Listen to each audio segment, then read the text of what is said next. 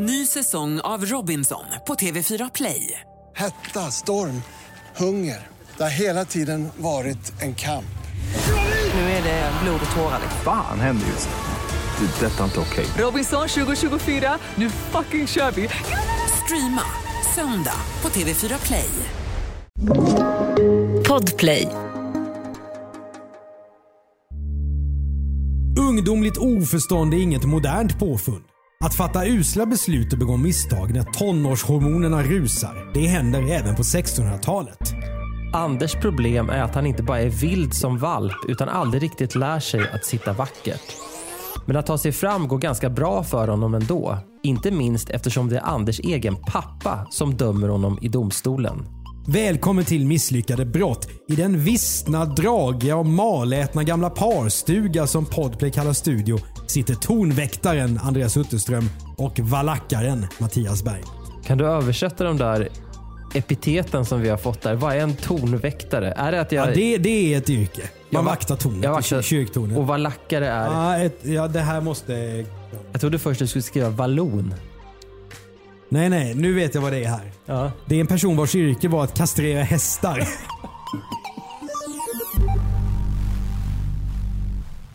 Nytt avsnitt av podden kommer varje onsdag. Om du inte lyssnar i Podplay-appen.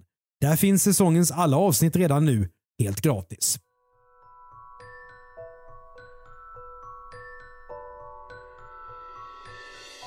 Det här är ju alltså 1600-tals yrken och vi ska ju tillbaka nu ett antal år i tiden för att berätta den här historien. Och det är lätt att hålla sig för garv när man flyttar sig tillbaka till 1600-talet i Sverige. Forskare har sammanfattat den här tiden i tre ord. Krig, pest och hungersnöd. Och det är nästan samma beskrivning som när vi pratar om Göteborg. Där har tiden stått stilla. Ja, men vi ska tillbaka till precis i början av stormaktstiden, runt 1610. Gustav II Adolf, lejonet från Norden, han är kung och han har ännu inte bestämt sig för att kasta landet ut i det 30-åriga religionskriget. En av tio blir nu uttagna till krigsmakten. En av tio unga män alltså. Kvinnorna å sin sida de har fullt upp med att ta hand om hemmet och föda barn som allt för ofta dör innan de vuxit ur koltåldern. Antibiotika finns såklart inte. Så minsta farsot kan göra att folk dör som flugor. Och influencers som pratar om wellness food, de är inte heller uppfunna. Inte ens potatisen har kommit till Sverige än. Utan man får nöja sig med soppa, fisk och om man är riktigt rik, en sprängd gås. Jag kan rekommendera den som har vägarna förbi Nordiska museet i Stockholm att eh, gå och titta på en av de jag tror att det är en permanent utställning där de visar mat från olika epoker. Då, då har jag för mig att just en sån här gås finns. Så man får se liksom vad folk åt för flera hundra år sedan. Och eh, det, det ser inte jättegott ut alltid. Nej men det är ju galet och de, de fyller ju liksom eh, typ eh, en stor fågel med en liten fågel. Och så. Det är helt galet faktiskt. Helt knarkigt. Och dricka vattnet, det gör dig sjuk. Så om du ska hålla dig hyfsat frisk så får du dricka litevis med öl istället. Öl som inte ens är särskilt gott utan svagt avslaget. Det här är också ett våldsamt samhälle där barn får agas, dödsdomar är vanliga och man aldrig, aldrig får glömma bort att lyda kyrkans män och adelsmän. Ja, människorna lever helt enkelt ett riktigt satfläsk till liv.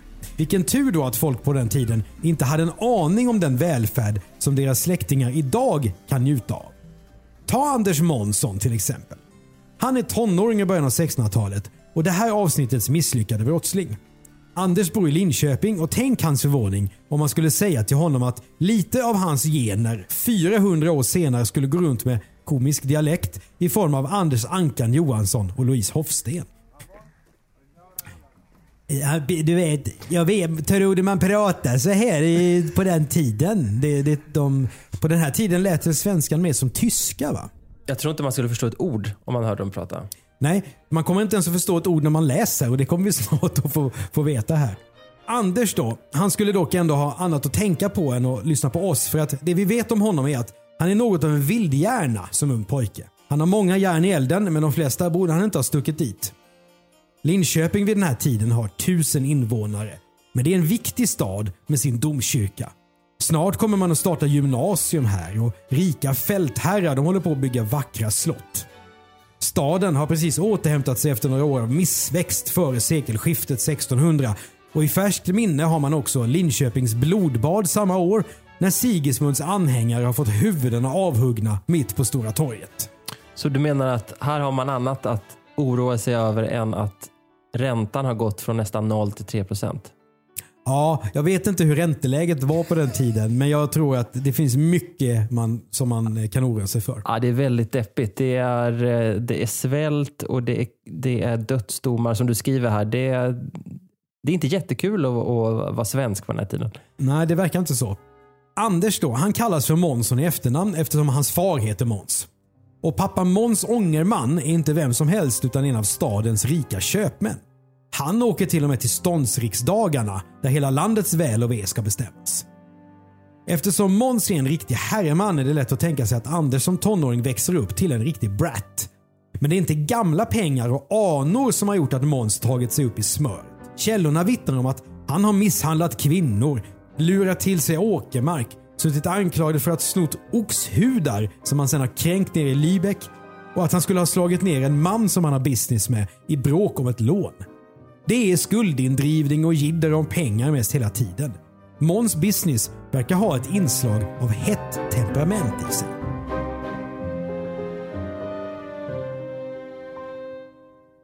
Så det här är alltså generna som, som kommer göra att även Anders hamnar i problem? Jag vet inte riktigt om vi kan dra de slutsatserna efter 400 år, men det är inte otänkbart att pappans kynne då har gått i arv till Anders. Han är vad amerikanerna skulle kalla en juvenile delinquent, alltså en kille på glid. Vi vet att han döms i rätten 1610 och då har Anders krossat glas hemma hos en man och huggit i hans ytterdörr. Dessutom har frun i huset fått ett vådahugg i foten mitt i det här dådet. 40 daler är straffet eh, i böter då den gången. Och den här, eh, du gillar ju att prata om penningvärde.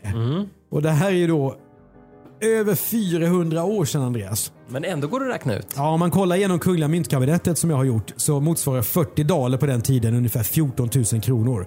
Men det här blir ju väldigt svårt för frågan är hur mycket var 40 daler då i form av om man omsätter det till löner och sånt där. Och min bild är att det var väldigt mycket pengar. Men hur, mycket, hur ofta använder man pengar? Var det inte mycket byteshandel på den här tiden? Eller har man kommit ifrån det på 1600-talet tro? Ah, du ställer svåra frågor till mig. Jag är ju inte forskare i ekonomisk historia. Men, nej, men det fanns säkert en hel del byteshandel. Det, det är, är bilden även när man läser in sig på det här fallet. Men pengar fanns ju. Men det var ju inte postväxlar och sånt fanns ju inte utan man hade ju liksom cash. Och vi, kommer du ihåg, man har ju sett bilder på mynt från den här tiden där mynten är jättestora. Ja, mest liksom som en skärbräda? Ja men exakt, för att mynt, de skulle liksom vara värda då sin vikt i trä. Vet jag. Helt enkelt. Ja. Men att hugga en kvinna i foten och krossa dyrbart glas, det är uppenbarligen inget som avskräcker Anders. För snart är det dags igen.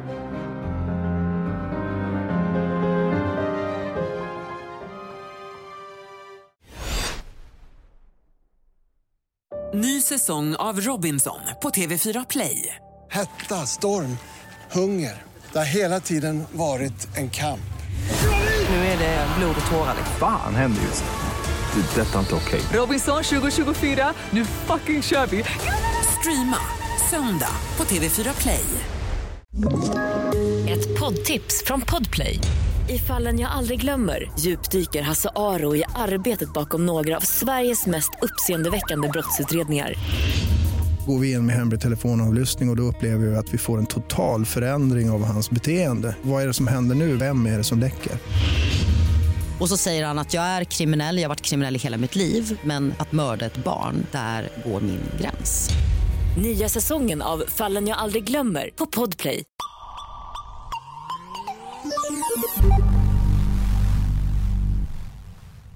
December 1613 kan Anders inte hålla sina klåfingrar borta. I skydd av den östgötska nattens mörker tar han sig in i duvkammaren i domkyrkan i Linköping. Dessutom har han med sig två medhjälpare. Hans Smith och sin egen svåger Per Stensson. De har Anders övertalat på ett för våra brottslingar typiskt sätt icke en gång utan så ofta hade varit hos honom och begärt att han ville följa honom då han visste att en sådan skatt till att bekomma att de inte skulle bliva fattiga karar om sidor. Ja, och det här är då alltså inte Andreas Utterström som har drabbats av afasi. Nej, det låter så. Utan här, så här skrev man på 1600-talet. Och med lite mer moderna ord så skulle då det här betyda att Anders har då tjatat på de andra och målat upp bilden att om vi bara gör en enda stöt så kommer vi bli rika för resten av livet. Det känner vi igen även från eh, moderna case i den här podden. Definitivt. Den här duvkammaren då i, i domkyrkan, exakt hur den såg ut det vet vi inte. För idag ser domkyrkan annorlunda ut. Men vad är en duvkammare? Nej, det vet jag inte. Nej, och då ska vi inte... Vänta, vi kollar. Uppenbarligen så är det någon form av lager. Eh, Det kommer vi att märka här. Men förhören med Anders, Hans och Per visar att de i alla fall har haft en stege med sig så att de ska ta sig in. Så det verkar som att den här duvkammaren inte är liksom i, i eh, markyta. En stege då som inte har räckt till heller så att Anders har fått kliva upp på Hans axlar. Men i duvkammaren där hittar Anders det som han har sökt och det är en riktig dyrgrip. Ett vackert och exklusivt tyg som är bestrött med pärlor. Och de stod båda på kyrkogården men Anders var alent inne i duvkammaren och ransakade vad tyg där var. Och altarbrunnen hävde han ner till dem på kyrkogården. När de förnumme att det intet annat var än kyrkans tyg bar Hans Smith samma tyg upp till Anders igen och det in. Ja, så här står det i domboken och den har inte vi men Annika Sandén läst. Hon är docent i historia och har gjort fantastisk forskning om hur vi levde på 1600-talet. Hennes bok Missdådare är också en viktig källa i det här avsnittet. Och Det här altarbrunet, då, tyget som Anders har klämt på, det är en bård som man hänger över altaret längst fram i kyrkan. Det tror jag även att våra sentida lyssnare kan sätta sig in i. Och Det här är någonting oerhört speciellt såklart och väldigt rikt utsmyckat. Och även om nu Anders, som vi hörde då i den här beskrivningen, inte snor tyget utan lämnar tillbaka det, så försvinner det ju pärlor här nu. I kyrkan upptäcker man snart att någon har gjort åverkan på altarbrunet. Det är ju en grov stöld. Det är ett av de värsta brott man kan göra sig skyldig till på 1600-talet. Och så sker den här stölden dessutom i domkyrkan. I landslagen, som alltså då är lagboken på den tiden, står det att brottet betingar att en tjuv av manskön ska hängas. En kvinna som stjäl ska man begrava levande. Åh satan. Ja, det är ju drakoniska lagar på den tiden. Men eh, Men stöld var ett fruktansvärt brott. ja, dessutom mot kyrkan tänker jag. Det måste ju vara Ja, oerhört dumdristigt att ens eh, komma på tanken. ja men kanske man ska jämföra i, sa- i allmänhetens ögon med en ja, men typ Akilov Mm. i samhället. Alltså eh, en riktig omstörtare som inte rättar sig efter vad man ska göra. Och nu pekar ju också snart många väldigt tydliga tecken på att Anders är förövaren till det här dådet. Hur då? Ja, dels är ju Linköping inte så stort och man har en väldig koll på varandra. Och sen har vi den lilla detaljen att Anders plötsligt börjar gå runt i stan och försöker sälja pärlor. Vilket är lika misstänkt som det vore att försöka kränga en splitterny Ferrari kontant mitt på Sergels torg. För pärlor är ju ingen som äger. Och lika lågt som det här brottet är, lika klantig är nu Anders när han ska försöka göra sig av med det här stöldgodset. Stöld och häleri i domkyrkan. Hur ska det gå för unga Anders?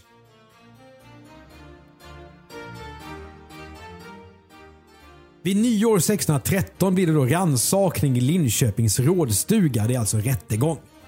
Och förutom domkyrkostöten står Anders också inför rätta för andra flagranta stölder. Det är silverskålar, pistoler och andra dyrbarheter. Anders riskerar förvisning från staden då, eller galgen, där han står åtalad under tjuvabalkens sjunde kapitel i landslaget. Ja, han ligger riktigt illa till helt enkelt. Ja, verkligen. Och Anders hålls nu eh, fängslad i häktet, i kistan som det heter. Och Den ligger i källaren under rådstugan. Och Där är det erbarmligt kallt och vi vet att minst en person har frusit ihjäl där nere. Då är det inte så märkvärdigt att Anders enligt källorna rymmer. Målet kan de då ta upp igen först efter sommaren när han har kommit till rätta. Hur rymmer man ur kistan då Andreas? Ja, enligt Anders själv så är det en piga i hans familj som har kommit in och smugglat in en yxa så att han kan hugga sig ut.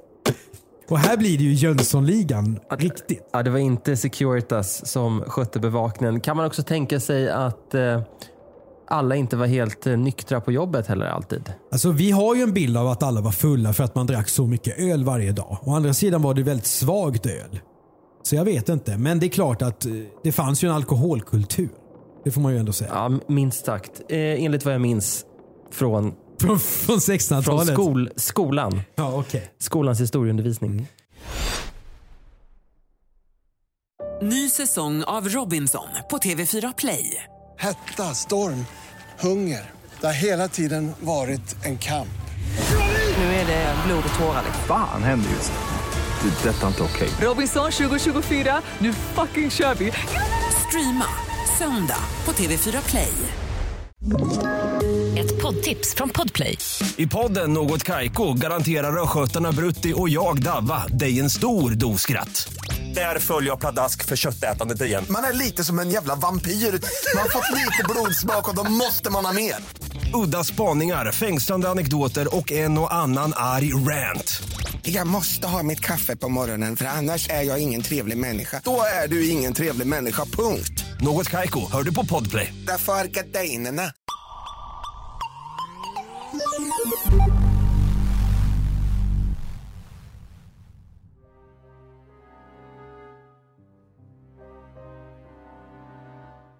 Bevisläget talar inte det minsta för Anders sak.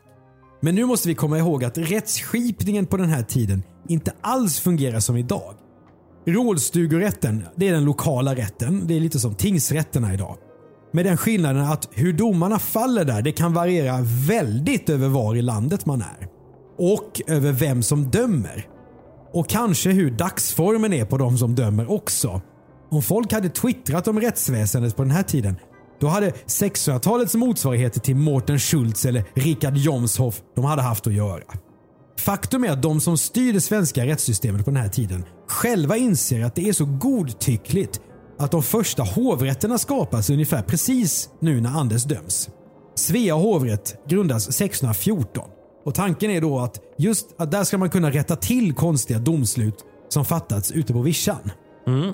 Lite som idag, där, man, där det fortfarande är så ibland när någon eh, på tingsrätten har eh, agerat lite konstigt i sin dom. Då rättas det till i hovrätten ofta. Mm, ja, men precis så är det.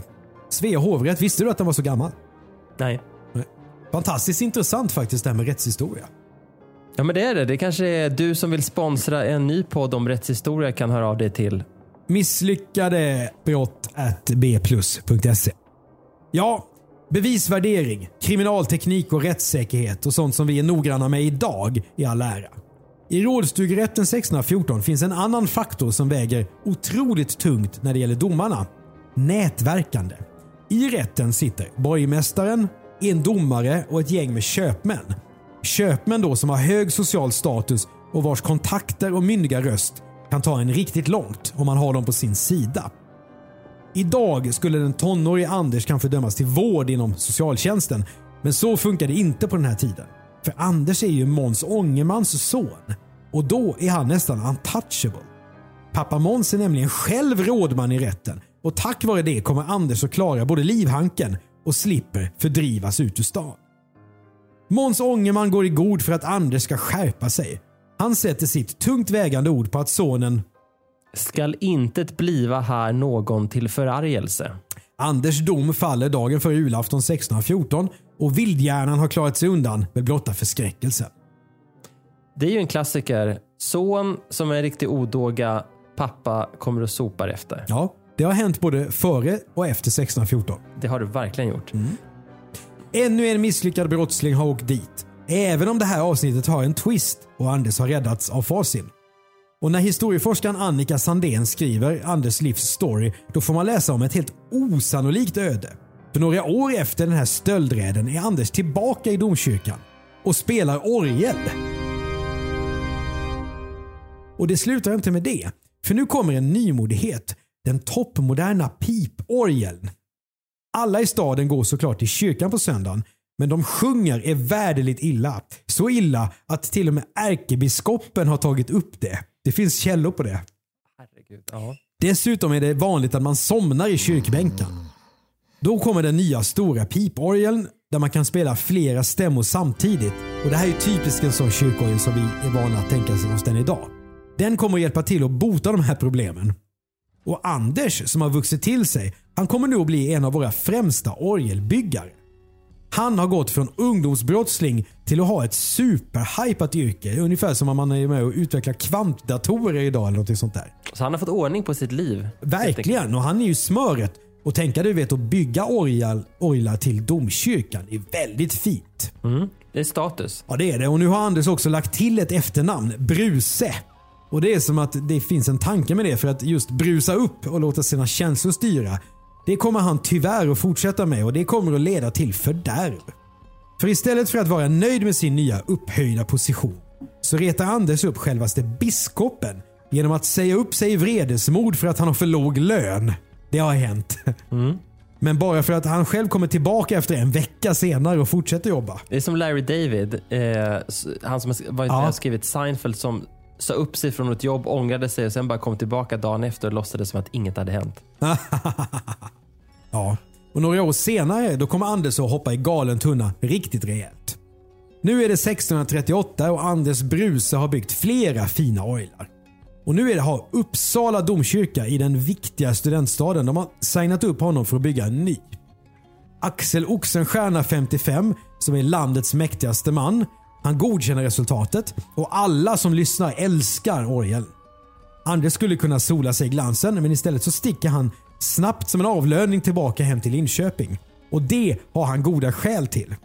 Han smiter nämligen, men nu kallas han tillbaka till Uppsala igen av rådstugerätten där. Det är nämligen så att Anders nu anklagas för att han har legat med Brita. Hon är knappt 17 år medan Anders är en gammal gubbe på över 40. Brita är dotter i huset hos borgmästaren där Anders har varit inhyst medan han har byggt orgeln. Trots att han är gift har han inte kunnat hålla tankarna och händerna ifrån Brita. Som hon kommer att säga i rätten. Han hade många gånger och på åtskilliga sätt önskat främja sin onda vilja. Men någon våldtäkt på Brita är det inte tal om. För efter att Anders en dag har klippt en lock ur hennes vackra hår, då har hon fallit för honom. Om han, om han velat hoppa i ån med mig hade jag följt med. Ja, säger Brita i rätten. Deras kärleksaffär är i lagens mening hor. Otrohet är nämligen olagligt och eftersom Anders är gift klassas det här då som enkelt hor. Om även Brita hade varit upptagen, då hade de stått anklagade för dubbelt hor, vilket då såklart är värre. Anders erkänner nu att Satan har tagit över honom och så här säger han. Jag är lagen undergiven och önskar nu den stunden vore att jag måtte på tunnan verka min hals på torget och således utstå det straff som mig laglig påläggas kan. Både Brita och Anders döms till döden. Nu ska vi veta då att mängder av dödsdomar föll vid den här tiden, men att de verkställdes var ovanligt. Om det handlar om dubbelt hor, ja då hade huvudena rykt på både Anders och Brita. Men det här målet går vidare till hovrätten som sänker straffet till 30 daler vardera i böter för Anders och Brita. Får man säga en rejäl sänkning från dödsdom till 30 dollars böter? Ja, men det, är det, det, var, det verkar vara tvära kast på den här tiden. Och Anders då döms att han ska betala för bägge. Men han lägger benen på ryggen och sticker från stan. Och det verkar ju inte helt ovanligt att man gör det vid den här tiden.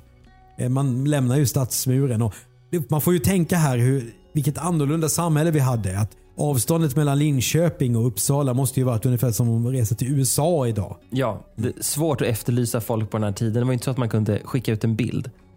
Verkligen inte. Brita går det tack och lov bra för. För trots den här skammen över domen, och det är ju en verklig skam för en ung kvinna, så lyckas hon gifta sig med en köpman och hinner bli hela 86 år innan hon dör. Oerhört gammal på den tiden. Ja. Efter att ha krånglat sig ur lagens långa arm igen så kör nu Anders vidare. Han gifte om sig sedan hans fru har dött. Han fortsätter bygga orglar och blir mer och mer berömd även i Finland och Estland. När han dör, troligen 1667, då är han ungefär 70 år och begravs under stengolvet i domkyrkan. Samma domkyrka som han bedrev stöldrev mot över 50 år tidigare. Otrolig historia. Idag har Anders Bruse en egen Wikipedia-sida och det hade han nog inte kunnat föreställa sig. Eller haft någonting emot för den delen. Men kanske ska Anders ändå vara glad för att han levde på 1600-talet och inte nu. För Andreas, vad hade hänt med Anders idag? Ungdomsbrottsling, tonåring, en svår stöld. Han hade blivit inlåst på något så här eh, hem för, vad heter det, eh, tvångsvård helt enkelt. Ja, sluten ungdomsvård. typ. Exakt, ja. och där hade han förmodligen inte blivit en bättre människa. Nej, där kunde han ju ha hamnat i uselt sällskap och lärt sig att begå allvarliga brott och eh, kanske till och med eh, börja använda droger, det vet man ju inte. Och sen hade gjort en klassresa neråt i ett kriminellt träsk helt enkelt. Ja, och slutat som eh, värdetransportrånare eller något annat. Ja men exakt. För det är ju inte alls säkert att med rättsskipningen som är idag att liksom pappa Måns hade gått in och sagt att jag tar hand om det här och då blir det villkorlig dom och sen så skickar man Anders till liksom Schweiz och sen blir han entreprenör. Det kan man verkligen inte säga. Nej, absolut inte. Och vad kan vi då lära oss av detta? För vi gillar ju sens moral i misslyckade brott. Det Jo, den som är hetlevrad gör bäst i att tänka på risker och konsekvenser. Både på 1600-talet och idag. I nästa avsnitt historien om kompisgänget som ska fiska i norra Sverige. De tror att de har koll på alla papper, men det har de inte. För plötsligt kommer några tillsyningsmän och slår till. Och det här blir extra pinsamt eftersom en av tjuvfiskarna är polis. Men efter att ha fiskat en stund hör killarna det omisskännliga ljudet av en helikopter i fjärran. Den kommer närmre och närmre. Ska det vara slut på friden nu? Är det fler som är på väg till samma ställe för att fånga öring? Ovälkommen konkurrens alltså. Nej, helikoptern flyger förbi. Efter 20 minuter är den dock tillbaka och landar bara cirka 100 meter från de fyra killarna. Du har hört ett avsnitt av Misslyckade brott med Mattias Bergman och Andreas Utterström. Tipsa oss gärna om misslyckade brottfall som vi borde prata om i podden till misslyckade bplus.se. Och det är B plus med bokstäver. Exekutiv producent för den här säsongen av podden är Jonas Lindskog. Och det är en produktion av commercial content för Podplay. Läs mer om commercial content på vår sajt och följ oss gärna på Instagram och LinkedIn. Podplay, en del av Ny säsong av Robinson på TV4 Play. Hetta, storm, hunger. Det har hela tiden varit en kamp. Nu är det blod och tårar. Fan händer just nu. Det. är Detta är inte okej. Robinson 2024, nu fucking kör vi! Streama söndag på TV4 Play.